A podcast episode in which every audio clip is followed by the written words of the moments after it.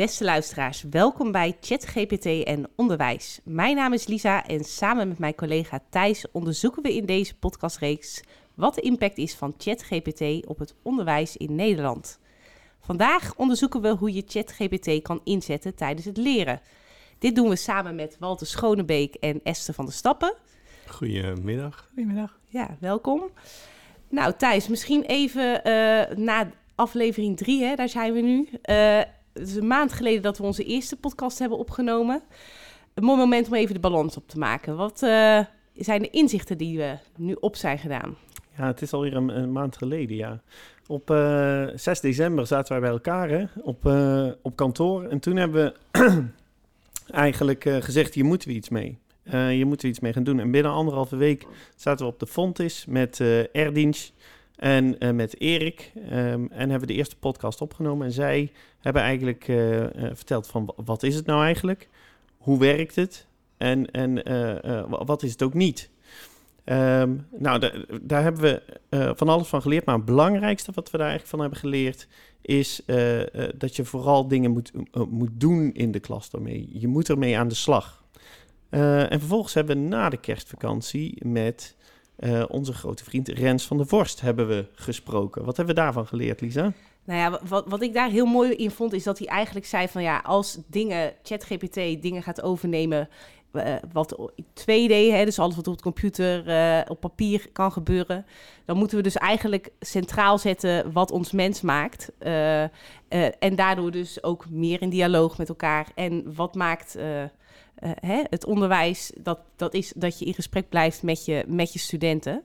Maar Rens was ook wel kritisch, hè? dus die gaf ons ook wel het inzicht van ja, je moet ook goed kijken wat neemt het ons ook eventueel af, ook in het leerproces. Um, nou ja, we, we zien ook hè, dat, dat het leeft enorm. Uh, ja, zeker. Uh, na, na de kerstvakantie is een soort van het nieuws ook ontploft hè, met uh, uh, wat doen we ermee? Moeten we het wel of niet gaan verbieden? Nou ja, daar zie je dus nu ook uh, scholen op reageren. Um, nou ja. ja, en, en de podcast die wordt, die wordt toch ook wel goed beluisterd. En nou, toch ook wel goed is misschien een understatement. Dat hadden wij van tevoren niet, niet kunnen denken. Um, maar um, hier, hier naast mij zit, zit Walter. En Walter, jij werkt bij de uh, Avans Hogeschool. Ja. Um, en jij was er eigenlijk al heel snel mee aan de slag, hè? Ja, ik hoorde sowieso, uh, ik denk dat het uh, dag 7 of zo hoorde ik uh, nadat ChatGPT was gelanceerd. Dat er al na vijf dagen 1 miljoen gebruikers waren. Dus ik had echt zoiets van, hey, ik ben, ik ben nieuwsgierig, wat is dat dan? Dus ik ben gewoon zelf gaan spelen en gaan proberen. En ik had het op mijn telefoon staan en elke keer als ze weer een gekke vraag uh, te binnen schoten, ging ik dat weer aan ChatGPT uh, uh, stellen. En ja, ondertussen zag ik ook op, op Teams, hè, er waren docenten die, die waren natuurlijk ook na een aantal dagen later van, hé, hey, wat is dit? En, en waarschuwingen en we moeten hier iets mee. En gaat onze plagiaatchecker dat nog wel, uh, uh, wel uh, zeg maar ontdekken. Dus, ja, maar, waren dat de eerste reacties, waars waarschuwingen vooral? Ja, ik, ik heb het vooral, dat de rode draad was wel dat iedereen een beetje zich zorgen maakte. De collega's binnen de academie en ook daarbuiten en de onderwijskundigen, die waren er ook mee bezig. Uh, maar ik had zoiets van, ja, we moeten gewoon gaan proberen, weet je wel. Ik, ik wil dat gewoon gaan, gaan toepassen. En ik had uh, ik geef overigens les op uh, WISIS uh, IT en Management hè, bij Avans. En um, ja, dan zijn we sowieso natuurlijk al wat meer geïnteresseerd in, in dingen als nieuwe IT-ontwikkelingen, maar ook zeker in AI. En ik had nog twee facultatieve lesjes over voor het vak bestuurlijke informatievoorziening. En wil het nou dat die studenten daar een verslag voor moeten schrijven? En ja, dan, dan, kan ik natuurlijk denken van, oh jee, uh, ze moeten verslag schrijven. Straks gaat ChatGPT dat voor ze doen. Maar ik heb die laatste les eigenlijk gewoon gebruikt van met de studenten samen. Van uh, laten we eens gewoon gaan proberen. Hoe werkt dat dan? Uh, ChatGPT. En, en, toen jij voor het eerst daar met studenten mee aan de slag ging, kennen studenten toen al? Ja, dat is eigenlijk heel grappig hoe snel dat gaat. Want begin van die week. En ik vertelde toen, als ik me herinner van jongens, staat nu iets van 14 dagen live of zo uit mijn hoofd. En er was één student, die had een account. En de, de rest van de studenten, ik had ongeveer zeven of acht leerlingen in die klas zitten die hadden er wel wat van gehoord, en, en, maar die hadden zelf nog niet geprobeerd. maar verderop in die week had ik dus dat tweede klasje. En uh, dan hadden ze dus allemaal een account ondertussen. Ja, want en, dat, dat was doorgecijpeld ja, van de eerste dat, klas. dat ging echt zo snel. Dat ging als een olievlek uh, natuurlijk uh, door alle klassen heen. En ook, we waren, waren ook gewoon op teams daarover bezig. dus dat gaat heel snel. en, en wat, heb je, wat heb je toen met de studenten precies gedaan? Nou, de, de, begin van de les uh, is wel even goed om erbij te vertellen. Uh, het was vooral besteed aan studenten die konden nog vragen stellen van... joh, meneer, wat moet er nou precies in dat verslag staan? En wat moeten we nou exact opleveren? En, dus ik heb heel goed eerst die vereisten van dat verslag. Hè, de begrippen moeten worden toegepast uit het boek. Hè, dus ik wil wel de theorie terugzien. Ze hadden ook, we werken met een casus van Vera Jansen, fictief persoon. Uh, zij heeft een start-up en het moet wel echt op die casus worden toegepast. Dus dat heb ik ze ook allemaal haar fijn nog uitgelegd. En daarna hadden we dus een, een oefening, die had ik dus klaargezet op Brightspace, onze uh, leeromgeving. En uh, die, die oefening was letterlijk vragen de chatbot. En uh, nou, dus toen zei ze, het leuke is eigenlijk het speels hè, in de klas. Dus je, zit daar met die studenten en het was ook leuk dat het eigenlijk een klein groepje was. Um, maar uh, ja, het had iets, uh, iets, iets stouts, had ik bijna het idee. Dat de studenten zoiets hadden van, we zijn hier eigenlijk iets aan doen wat helemaal niet mag.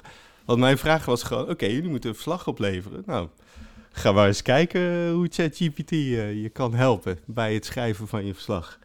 En, dus, en hoe reageerden studenten toen ze, toen ze ontdekten wat, uh, uh, wat het kon? Ja, in studententaal echt, wat? Wat is dit? hij schrijft gewoon hele stukken tekst en dus dat soort reacties. En, en, maar ja, dan ga je toch weer even terug van jongens, kan, kunnen we dit nou gebruiken? Want een van de vragen was dan bijvoorbeeld voor het inkoopproces, uh, hoe moet ik de bestuurlijke informatievoorziening op orde hebben? Nou, heel uh, tekst en ChatGPT gaat meestal ook een beetje opsommen. Je het vaker gebruikt, dan zie je dat hij uh, wat hij eigenlijk voor stijl steeds gebruikt. Maar goed, ik zeg, en die begrippen dan? ik lees hier niks over functiescheiding bijvoorbeeld, of over repressieve of preventieve maatregelen. hoe gaan we het nu oplossen? Nou, die, die, die studenten, nou, die hebben het boek bij, hè? Nou, de meesten hadden het boek bij zich. Dus uh, nou, gingen ze naar dat hoofdstuk van inkoop en wat begrippen erin gooien. Dus die vraag die werd steeds verder verfijnd. Ja, en eigenlijk dus de prompt in ChatGPT werd, werd steeds fijner, waardoor de, de uitkomst van informatie voor de studenten steeds exact. betekenisvoller werd. Nou, mochten er mensen zijn die het nog niet gebruikt hebben, je ziet inderdaad gewoon, uh, het is niet in één keer een lab tekst, hij gaat het echt helemaal dicteren. En uh, op dat moment zie ik gewoon gebeuren dat die studenten, die, die zijn dat aan het lezen. Oh nee, nee, dit is nog niet helemaal. Weet je, nog een begrip erbij gooien. Of uh, bij repressieve maatregelen kwamen er meteen uh, ontslagprocedures in het antwoord terug. Nou, daar waren we nou niet helemaal naar op zoek. Hè. We waren meer op zoek naar, naar andersoortige maatregelen. En dus eigenlijk evaluerend met die, met die student zelf, is het nou bruikbaar? Kwamen ze dus zelf tot inzicht van ja, nou ja, oké, we kunnen het wel gebruiken, maar je moet wel goede vragen stellen. En nou, je zegt, uh, er moet wel echt de theorie uh, worden toegepast. En vervolgens dat natuurlijk, ja, we hebben wel nog te maken met Vera Jans, hè, met haar casus. Dus het is nog niet naar die casus toegeschreven. En ik zag gewoon ter plaatse een leerproces ontstaan. En ik heb nog niet uh, misschien wetenschappelijk uh, kunnen onderbouwen van hier leren de studenten echt iets van. Maar ja, je kunt het wel een beetje op je klompen aanvoelen dat het eigenlijk gewoon best wel effectief, uh, is, effectief was. Ja. ja en, misschien... sorry. Ja? Nou, ik dacht misschien even mooi om de brug te maken, want Esther van de Stappen zit hier ook aan tafel. Um, wel misschien ook leuk voor het proces, even voor de luisteraar. Van jullie hebben elkaar sinds vandaag voor het eerst ook echt gezien. Esther, jij bent lector van het lectoraat Digitale Didactiek. En jij houdt je bij, binnen Avances ook bezig met... Nou ja, hoe zet je dit soort technologieën of andere tools nu effectief in, in het onderwijs? Ehm, nou ja, jullie hebben vanochtend ook al even gesproken. Hoe, hoe, luister jij naar dit verhaal als je kijkt nou, ik word er ook wel enthousiast van. En je ziet ook dat Walter er helemaal van straalt als hij erover vertelt. Dus dat, dat vind ik altijd mooi om te zien. Dat is de schoonheid ook van, van onderwijs en waarom we volgens mij in het onderwijs werken. Maar nee, wij doen in het lectoraat onderzoek naar hoe je technologie met meerwaarde voor de studenten in kan zetten. En dat die meerwaarde die kan allerlei vormen hebben. Dat kan natuurlijk gewoon zijn dat ze iets hebben geleerd of iets kunnen wat ze eerder nog niet konden.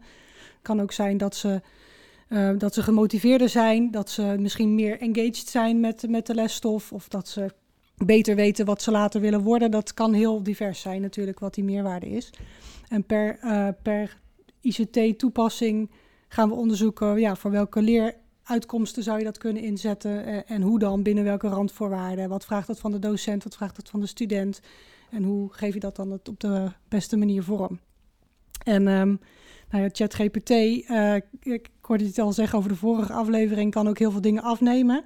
Nou, je voelt natuurlijk aan aan het verhaal van Walter. Als hij dit niet had gedaan, hadden ze allemaal een verslag ingeleverd. Ja, precies. Dat geschreven was door ChatGPT. Ja. En, en Walter zegt, nou, ik weet niet, uh, ik heb het niet onderzocht of er een leerproces uh, heeft plaatsgevonden. Ik durf wel te beweren, zonder daar onderzoek naar te doen, dat er meer leren heeft plaatsgevonden dan als ze het gewoon zelf in die chatbot hadden gestopt, de vraag. En het hadden ingeleverd, hadden ze ook nog allemaal onvoldoende gehad. Had Walter meer werk gehad, want dan moest hij daar feedback op geven. Moet het allemaal weer opnieuw worden uh, ingeleverd en beoordeeld. Dus het lijkt me veel efficiënter.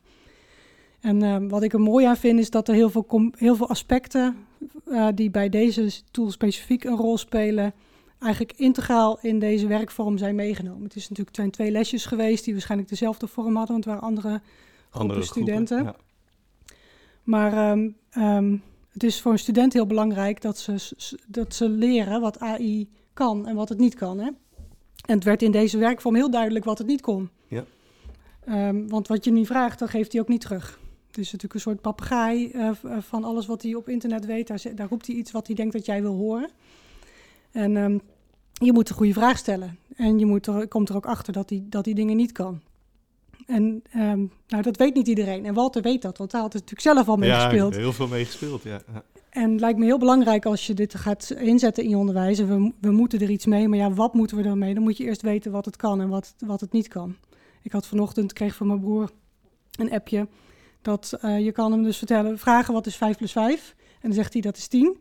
En dan zeg je nee, dat is toch 20? En dan zegt hij, oh ja, sorry, ik heb een fout gemaakt, het is 20. Nou, dat maakt natuurlijk duidelijk dat het een soort, soort sociaal wenselijke gesprekspartner is, maar niet per se feitelijk juiste informatie uh, aan je teruggeeft. En uh, dat werd die studenten, die weten dat inmiddels ook. Dus dat is heel mooi aan die werkvorm, die. AI-geletterdheid. Ja, ja en ik, ik heb ook echt gemerkt, die studenten die kunnen zelf heel goed beredeneren hoe je daarmee, hè, als je het samen doet. Uh, ze kwamen zelf tot de conclusie van, we moeten wel kritisch zijn. Nou, niet letterlijk dat ze het zo zijn, maar van ja, je moet wel even controleren of het wel klopt wat hij zegt. En uh, ja, als ze het boek erbij houden, dan kan ik inderdaad zien of dat. Uh, hè, dus studenten kunnen zelf heel goed inschatten hoe ze met zo'n tool om moeten gaan en wanneer het een bijdrage levert aan hun leerproces en wanneer niet. Ja, ik weet, nou ja, ik, misschien kunnen ze het altijd goed inschatten, maar dan is de vraag of ze dat ook, uh, of ze daar ook naar handelen. Hè? Dus, als ze, dus uh, ze, ze weten misschien wel, ik, als ik dit nu laat doen door een tooling, zonder ja. dat ik het zelf doe, dan leer ik er niks van. Dan is het nog steeds de vraag of ze de keuze maken om het zelf te doen. Want leren is soms best wel frustrerend en moeilijk en dat kost energie. En die heb je niet altijd of je wilt dat ergens anders aan besteden. Dus ik weet niet of studenten daar, nou ja, dat blijkt wel uit onderzoek, studenten maken ja. daar niet altijd de juiste keuzes in. Ze stellen alles tot het laatst uit.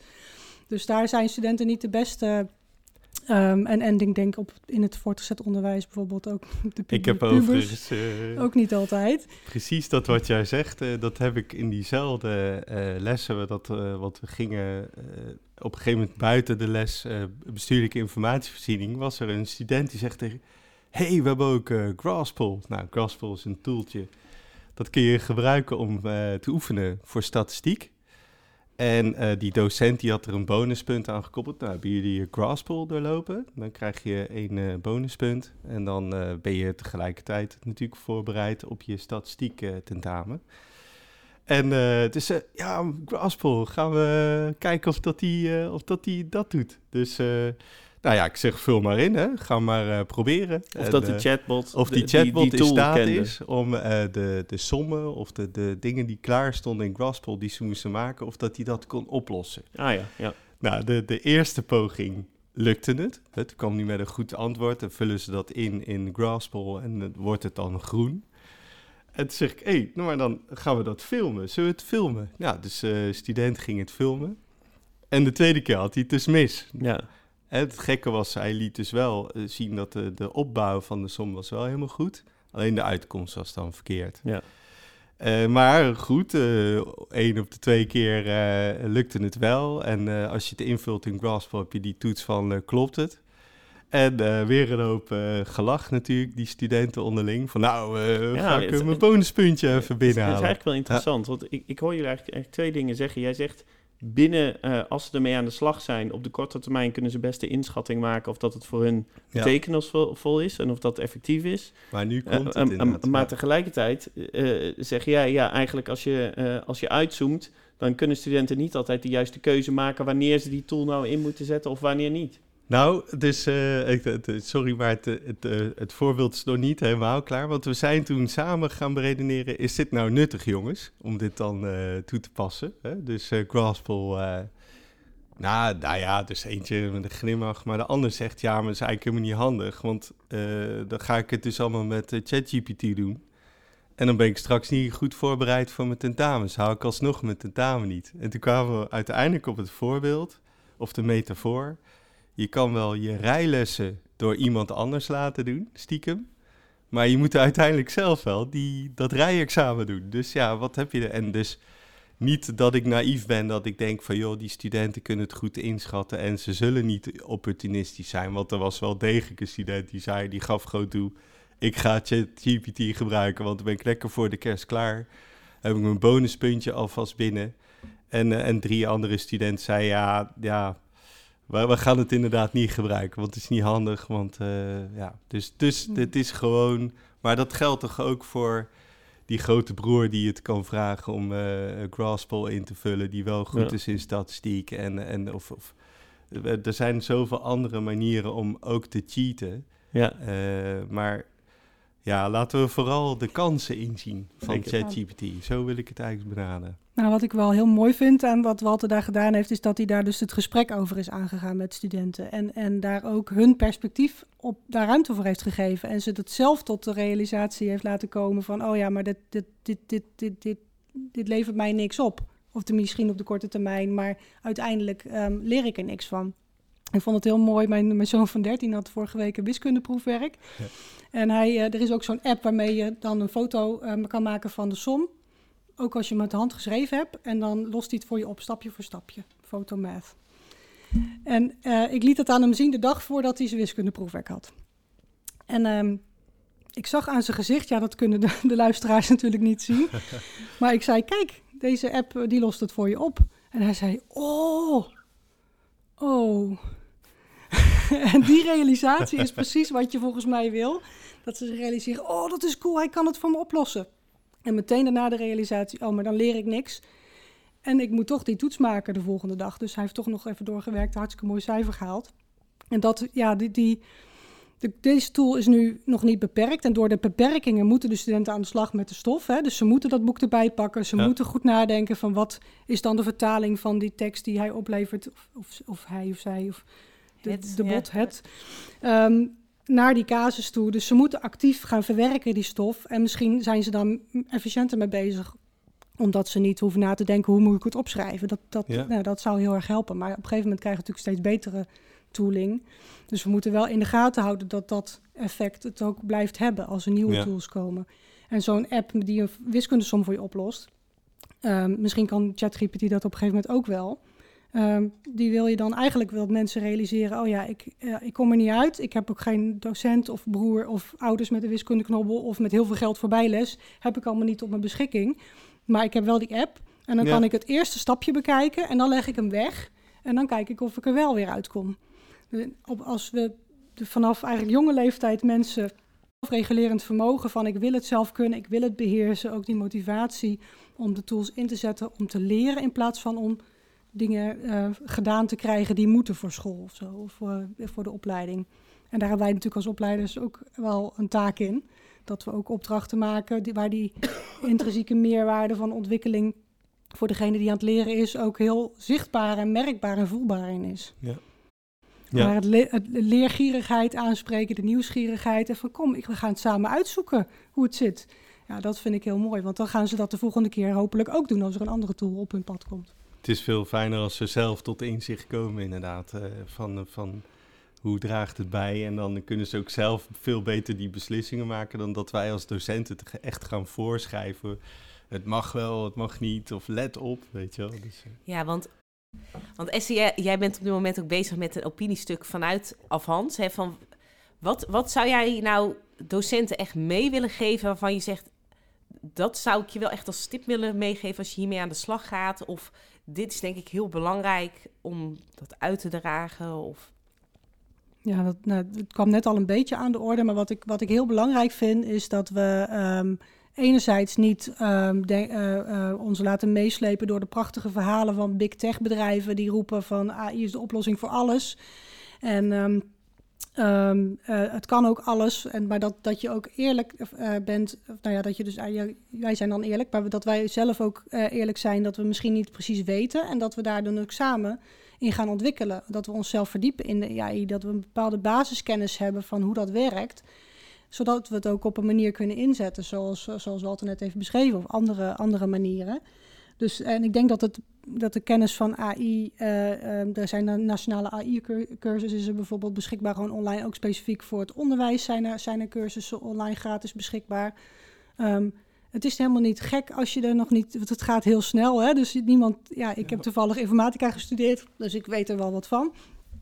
Maar dat is, ik weet ook dat dat lang niet bij iedereen zo is. En dat is helemaal niet erg. Maar zorg dan wel dat je, uh, dat, dat je je niet voorbij laat uh, rennen door studenten die dat allemaal wel sneller in de vingers hebben. En dat dat heel belangrijk is. En dat we dus nadenken van uh, wat raken we kwijt als studenten er op die manier mee aan de slag gaan. En hoe kunnen we hun motiveren, stimuleren en ook aan het handje meenemen. Want, hè, om die vaardigheden te ontwikkelen die ze nodig hebben om het voor hun eigen goed, ja, best wil in te zetten. En om het leren te stimuleren. En dat gaat, dan gaat het dus om nieuwsgierigheid, leergierigheid. ook die AI-geletterdheid voor studenten. Maar ook zelfregulatievaardigheden zijn er. En kritisch denken, ja. informatievaardigheden zijn er allemaal heel uh, belangrijk in. En dat waren toevallig toch al allerlei vaardigheden die wij heel belangrijk vinden in ja, het beroepsonderwijs. En nu wordt eigenlijk duidelijk waarom dat zo super belangrijk is. Ja. Ja. Nou, het is, wel... niet de enige technologie natuurlijk ook in hun latere werkzame leven aan de slag moeten. Um, waarin het misschien wel een hele belangrijk onderdeel wordt van de gereedschapskist. Ja. Dus dan moeten ze er natuurlijk ook op een goede manier mee om kunnen gaan. Ja, dus uh, wat ik jou eigenlijk hoor zeggen is, uh, uh, richting docenten naar, naar, studenten, neem ze aan de hand mee en ga dit, ga dit samen ontdekken. Richting docenten op zich, verdiep je hierin, want hier gaan we de komende tijd mee aan de slag. Ja, nou ja, en ik, ja, ik heb al allerlei filmpjes gezien van, van collega's in het land die hele reflectieportfolio's van een stage laten genereren, inclusief een observatieverslag van een werkplekbegeleider. Um, ja, op korte termijn zullen we toch ook uh, um, op een of andere manier moeten zorgen dat als we, als we willen dat studenten reflecteren um, en bepaalde prestaties in de beroepspraktijk laten zien, dat we dat ook op een manier kunnen beoordelen dat, dat, ja, dat er enige betrouwbaarheid of, of, hm. of validiteit in zit. En dat vind ik een groter risico dat ik eerst ook nog niet zag aankomen. Maar die filmpjes, uh, toen dacht ik, ja, dat is, dat, ja, misschien is dat dan niet de vorm om dat allemaal in verslagen te vragen. Maar toetsing hebben jullie volgens mij nog een nieuwe... Ja, ja, ja, we gaan volgende week echt helemaal in op uh, het vraagstuk toetsing uh, samen met Barend Last. Ja. Maar je ziet inderdaad, en dat is eigenlijk ook al wat jij gedaan hebt, van je moet het context specifiek maken. En uiteindelijk is dat ook al waar het beroepsonderwijs natuurlijk om draait. Van, het gaat nooit om puur kennis aan zich. Het moet altijd toegepast worden in een bepaalde context. Ja, precies. Ja, en heel praktisch gezien, hè, want uh, uh, we hadden dus een, een verslag. Dat ging, had, moest betrekking hebben op een casus, dus inderdaad de toepassing. Uh, daarnaast hadden we ook nog gelukkig de assessments, waarbij we individueel per student gingen bevragen. dus kennisvragen, maar ook begripsvragen, hè, de toepassing op de casus. En dan had je vrij snel door of een student uh, daar ook misschien alles aan ChatGPT had overgelaten. Of dat hij ze ook gewoon echt had gestudeerd. En we zijn dus inmiddels de fase voorbij dat we hebben die verslagen ondertussen allemaal gelezen. Mijn collega en ik hebben echt ChatGPT-achtige teksten teruggezien. Op een gegeven moment zie je dat gewoon. Uh, maar de ene keer hadden ze het wel nog verbouwd naar ja, maar het, had wel betrekking op uh, Vera en uh, de inkoper moet dit doen en Tobias doet dat. En, en de andere keer was het gewoon echt gewoon een, een lab tekst, ja, copy-paste en, en dan vielen ze ook heel snel door de mand. Dus als je gewoon die puzzel weer opnieuw legt, van ja, oké. in het dus gesprek eigenlijk. Ja. ja, ja, precies. En maar ook in je, in je opzet van je module, denk niet van hoe hou ik het buiten de deur. Nee, hoe ga ik het dus, het is er, hoe ga ik het dan integreren in mijn uh, onderwijsaanpak van, van zo'n periode? En, en misschien dus inderdaad dat stapje verder, hoe kunnen we het ook inzetten dat het bijdraagt aan het leerproces? En ja, een beetje creativiteit voor nodig. En het is natuurlijk extra werk, dat besef ik wel. Heb je het idee dat je straks ook meer mag verwachten van studenten als ze chat GPT uh, gebruiken? Um, misschien moeten we dan wel een paar versies uh, verder zijn. Hè? Dus uh, ik, ik, begreep dat er binnenkort alweer een versie 4 en een versie 5 aankomt. En dat model leert natuurlijk ook, hè? dus hij mhm. wordt ook steeds beter. Ja, misschien wel. Ik, maar ook dus blij, terug naar de, de toetsvorm moet altijd een combinatie zijn van... je kan inderdaad niet alleen maar een verslag laten schrijven over iets standaards, want dan leren ze dus niks. Maar als je ja, misschien inderdaad de toepassing. Enerzijds op een specificatie en je dan bijvoorbeeld in dit geval ook een assessment hebt, een vraaggesprek. Dan heb je een soort van uh, 360 graden view op uh, wat heeft die student deze periode, heeft hij de leerdoelen gehaald. Dus ja, ik vind het wel, uh, wel heel mooi wat je zegt. En ik denk dat het ook in het hoger onderwijs of het beroepsonderwijs um, inderdaad van het is er, dus we, we moeten ermee dealen, maar dan wel vanuit een onderwijsvisie. Wat willen we ze meegeven? Wat willen we ze leren? En op welke manier kan dat met ChatGPT misschien ook wel zonder? Maar in het, in het voortgezet onderwijs en, en het PO weet ik niet of het heel erg speelt. Hè, want daar, uh, um, en daar moeten ze nog leren schrijven, leren spellen. Maar ook die basiskennis die je, die je meekrijgt uh, in het VO en op het, uh, in, in het begin van een, van een HBO-opleiding denk ik wel dat die kennisbasis ook steeds belangrijker wordt. Want je kan het pas kritisch checken en, en je hebt het ook gekoppeld aan de kennis die ze moeten leren. Om te kijken of het klopt. En dat blijft, dat zal altijd blijven. Dus je moet toch altijd die checks, eh, checks blijven doen. En die, die basiskennis, ja, we moeten als mensen echt gaan denken, wat willen wij dan nog kunnen? Ja. En wat willen we uitbesteden? En die, nou, dat heb ik in de vorige uh, aflevering ook wel teruggehoord. Die, uh, die discussie moeten we wel uh, met elkaar gaan voeren in het onderwijs. Ja. En um, um, voor sommige dingen zal het inderdaad gewoon altijd een onderdeel zijn. Dat vraagt dus ook iets van jou als docent. Hè? Want jij zat er natuurlijk echt best wel dicht op van hebben ze nu begrepen uh, wat ChatGPT hen teruggeeft. Hè? Dus ook die dialoog dus weer in je lessen, die is gewoon cruciaal. Ja, zeker. Hè, je kunt ze niet zomaar meer wegsturen. Je, je moet eigenlijk, dat, dat is sowieso natuurlijk het idee van onderwijs, dat je feedback geeft en vinger aan de pols houdt. Maar dat wordt steeds belangrijker. Ja. ja, en ook een stukje gelijkwaardigheid. Hè? Dus uh, studenten lekker de vrijheid geven om te reageren hoe ze ook tegen medestudenten zouden reageren, bij wijze van spreken. Natuurlijk snap ik dat er altijd, er staat daar wel een docent. En, uh, maar ik heb wel echt geprobeerd om een uh, veilige sfeer te creëren waarbij alles gezegd kon worden en alles geprobeerd. En ja, dat denk ik dat dat het experiment zo interessant maakt. Ja, dan kom je eigenlijk in een fase dat je met studenten kan experimenteren, waarin iedereen uh, uh, in, in een veilige omgeving kan, kan proberen hoe werkt dit nou en hoe kan ik dit, uh, hoe kan ik dit gebruiken. Ja, precies. Hey, en als je nou ehm, een, een een, docent in, in jouw team of uh, die hier nog nooit mee te maken heeft gehad en je zou samen een, een, een, volgende module gaan aanpakken, welk advies zou je zou je collega-docent dan, dan meegeven? Um, bedenk dat het iets nieuws is. Het is er. Ga het gewoon proberen. Het is, het is niet voor niks zo dat er zoveel gebruikers zijn. En je kunt het gewoon heel makkelijk proberen. Je kunt op je telefoon de gekste vragen stellen. En dus word ervaringsdeskundige gewoon. En ga spelende wijs ontdekken hoe je het gewoon echt kunt inzitten. En uh, mag ik dezelfde vraag aan jou stellen? Als, als je, als je uh, uh, voor een docententeam zou staan en dit is er, hoe moeten ze ermee omgaan? Wat zouden ze ermee moeten doen?